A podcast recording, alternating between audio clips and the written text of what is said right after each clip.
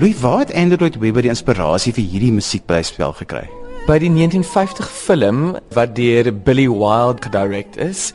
Dit was met Laura Swanson as Norma Desmond. En die film het gegaan was 'n swart en wit film, soos ek gesê het 1950. En dit gegaan oor 'n silent movie aktrise wat probeer om soort van weer 'n terugkeer te maak veral nou in die nuwe talkie films. En sy raak in die proses verlief op 'n jong skrywer, maar dit werk nie baie goed uitvaar nie.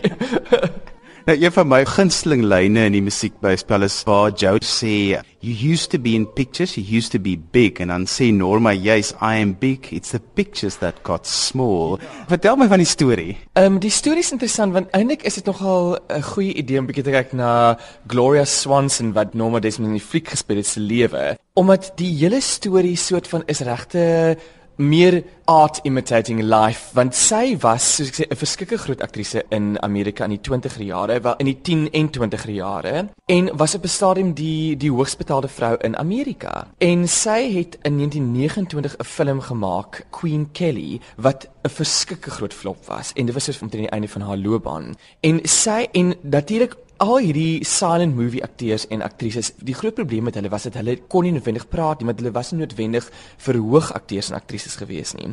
So byvoorbeeld sy Douglas Fairbanks Jr., Charlie Chaplin en nog 'n paar ander het op 'n stadium in die 30er jare 'n radio-onderhoud gehou om te bewys dat hulle kon praat. En dan was hulle van die paar wat wel soort van vir die oorgang kon maak in die praatflieks in. En hierdie storie is 'n baie dieselfde tipe storie. Hulle praat van haar loopbaan wat rondom ook 1929 1930 geëindig het, dat sy 'n soort van een of ander vorm van 'n uh, stil lewe ingegaan het in haar huis saam met haar butler Max wat ook 'n verskeie interessante en donker karakter is. Hulle is 'n film noir karakters. Hulle pas glad nie, dit was eintlik nogal nice want hulle pas glad nie in die wêreld van 1940 en 50 films in. Jy weet, so jy het hierdie ongelooflike twee spel tussen haar wat uit hierdie donker baie interessante silent movie lewe uitkom is amper af so van 'n gotiese agtergrond en dan Joe wat die skrywer is wat toevallig terwyl hy besig is om weg te hardloop vir die mob wat vir hom soek vir geld in haar oprit inry om weg te kruip en sy dink dis die persoon wat kom om haar sjimpansee te begrawe. Dit is comedy of errors. nou, hoe sal jy vir ons luisteraars die produksie hier by Theater onderby beskryf? Kyk, baie mense kyk natuurlik as 'n enorme produksie want dit was 'n groot produksie wat vir verskriklik lank in Londen gehardloop het en dis opera grootte.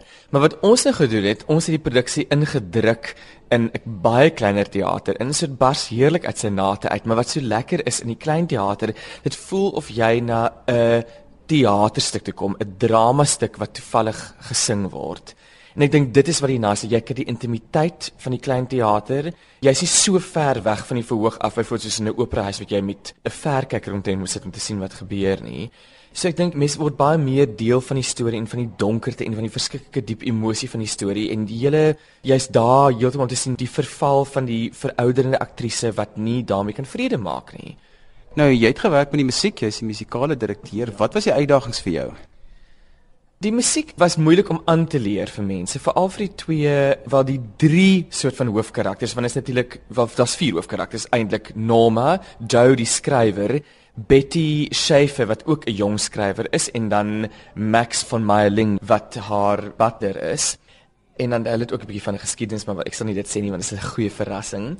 Maar baie van die dialoog veral is gesing en die grootste uitdaging was om die sangers op 'n punt te kry om daai dialoog so te sing dat dit nie klink soos 'n melodie maar dat mense soos van die illusie skep van dit is ogsies 'n praatritme.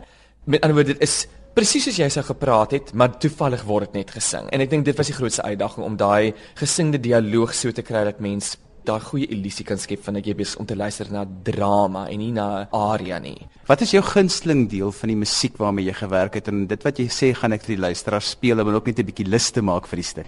Kyk, beide natuurlik van die hoof van die twee groot Norma stukke is wonderlik. Die eerste ene was sy sing With One Look wat sy 'n soort van aanjou probeer verduidelik dat sy haar oë kon gebruik om enigiets te doen wat natuurlik die groot, ek dink, triek was van al die silent movie akteurs en aktrises.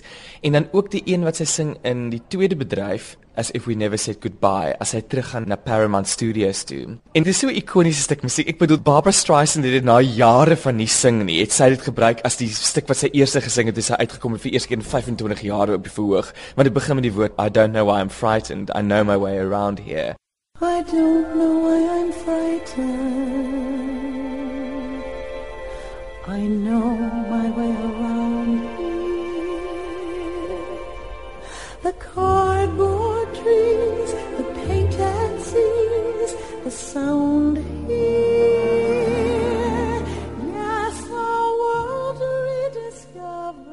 Wat het jy die meeste geniet om op hierdie produksie mee te werk?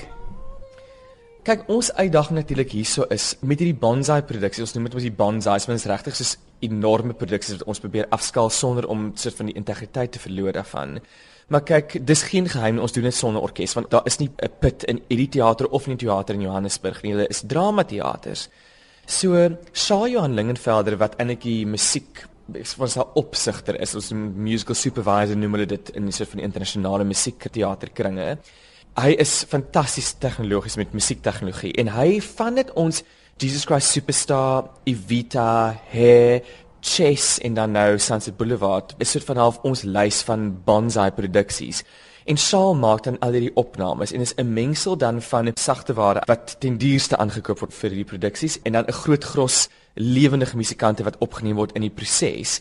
En ek dink die grootste uitdaging en wat ook die lekkerste gewoonlik is, is om te kyk hoe die hel ons dit gaan regkry want dit voel as jy begin met dit na die onmoontlike byvoorbeeld wel chess nou was ons eerste grootste uitdaging omdat jy nie sit met byvoorbeeld 'n band met 'n drumspeler wat soort van 'n baie reëlmatige ritme hou nie die musiek van beide chess en Sunset Boulevard byvoorbeeld is baie simfonies en as gevolg daarvan is daar verskeie baie die musiek bly nie in dieselfde tempo byvoorbeeld nie. Daar's baie vers van soos ons sê push and pull. Jy weet wat hy vinniger gaan en dan stadig afhangende van natuurlik van die emosie van die oomblik. En die grootste uitdaging dan is om uit te werk hoe ons vir my die inligting gaan gee om aan die sangers op die verhoog oor te dra om te sê wat gaan gebeur. Tempo gewys veral. Dis byvoorbeeld wat my werk is. Ek staan ek dirigeer van 'n verskeie interessante en lekker plek ek staan in die beligtingboks agter en daar's 'n kamera op my en dan is daar vier televisieskerms twee binne in die verhoog wat wonderlik is met beteken dat byvoorbeeld sangers kan hulle rug draai op my en nog steeds vir my sien op 'n televisieskerm. En dan is daar ook twee skerms op die balkon ek het 'n uh, ons noem dit 'n click track. Die gehoor kan net nie hoor nie ek hoor en dis amper soos 'n metronoom dan wat ek het in my oor. So ek dirigeer basies vir die sangers om vir hulle saam met die opnames te hou. En dis 'n geweldige uitdaging en verskriklik opwindend. Ek dink dit was die lekkerste. Dit is so van die ding wat vir julle laat wakker lê 2 uur in die oggend. Dink jy so gaan ek daai maat? Hoe gaan ek die bouings daarmee laat land